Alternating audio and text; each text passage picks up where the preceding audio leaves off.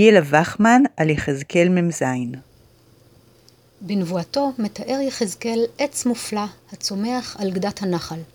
לא רק פירותיו טובים למאכל, אפילו עליו ניחנו בסגולות יוצאות דופן. והיה פריו למאכל ועלהו לתרופה. דוברי העברית העכשווית לא יבחינו בוודאי בשום דבר יוצא דופן בלשונו של פסוק זה, אך הקוראים הקדמונים הבחינו.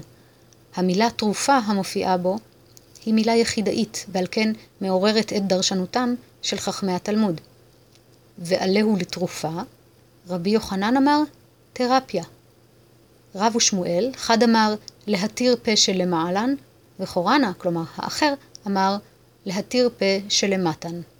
רבי חנינא ורבי יהושע בן לוי, חד אמר להתיר פה עקרות, וחורנה אמר להתיר פה אילמים. כך התלמוד הירושלמי במסכת שקלים, פרק ו', הלכה ב'.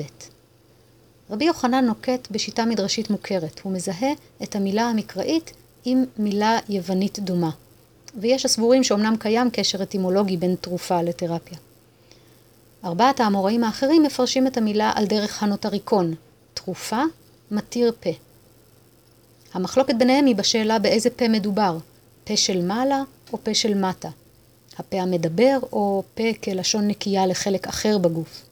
כך או כך, מדובר בצמח מרפא. בספרו משמיע שלום מבשר טוב, מציע יאיר זקוביץ' כי מסתתר כאן משחק מילים נוסף, תרופה, בתף, תרופה, בטית, שכוונתו להעלות את זכר הכתוב בסיפור המבול, ותבוא אליו היונה לעת ערב, והנה עלה זית טרף בפיה, בראשית פרק ח' פסוק י"א. העץ המופלא משמש אפוא הן לריפוי האדם והן למאכל החי, ובכוחו להחזיר את העולם למצבו הבראשיתי.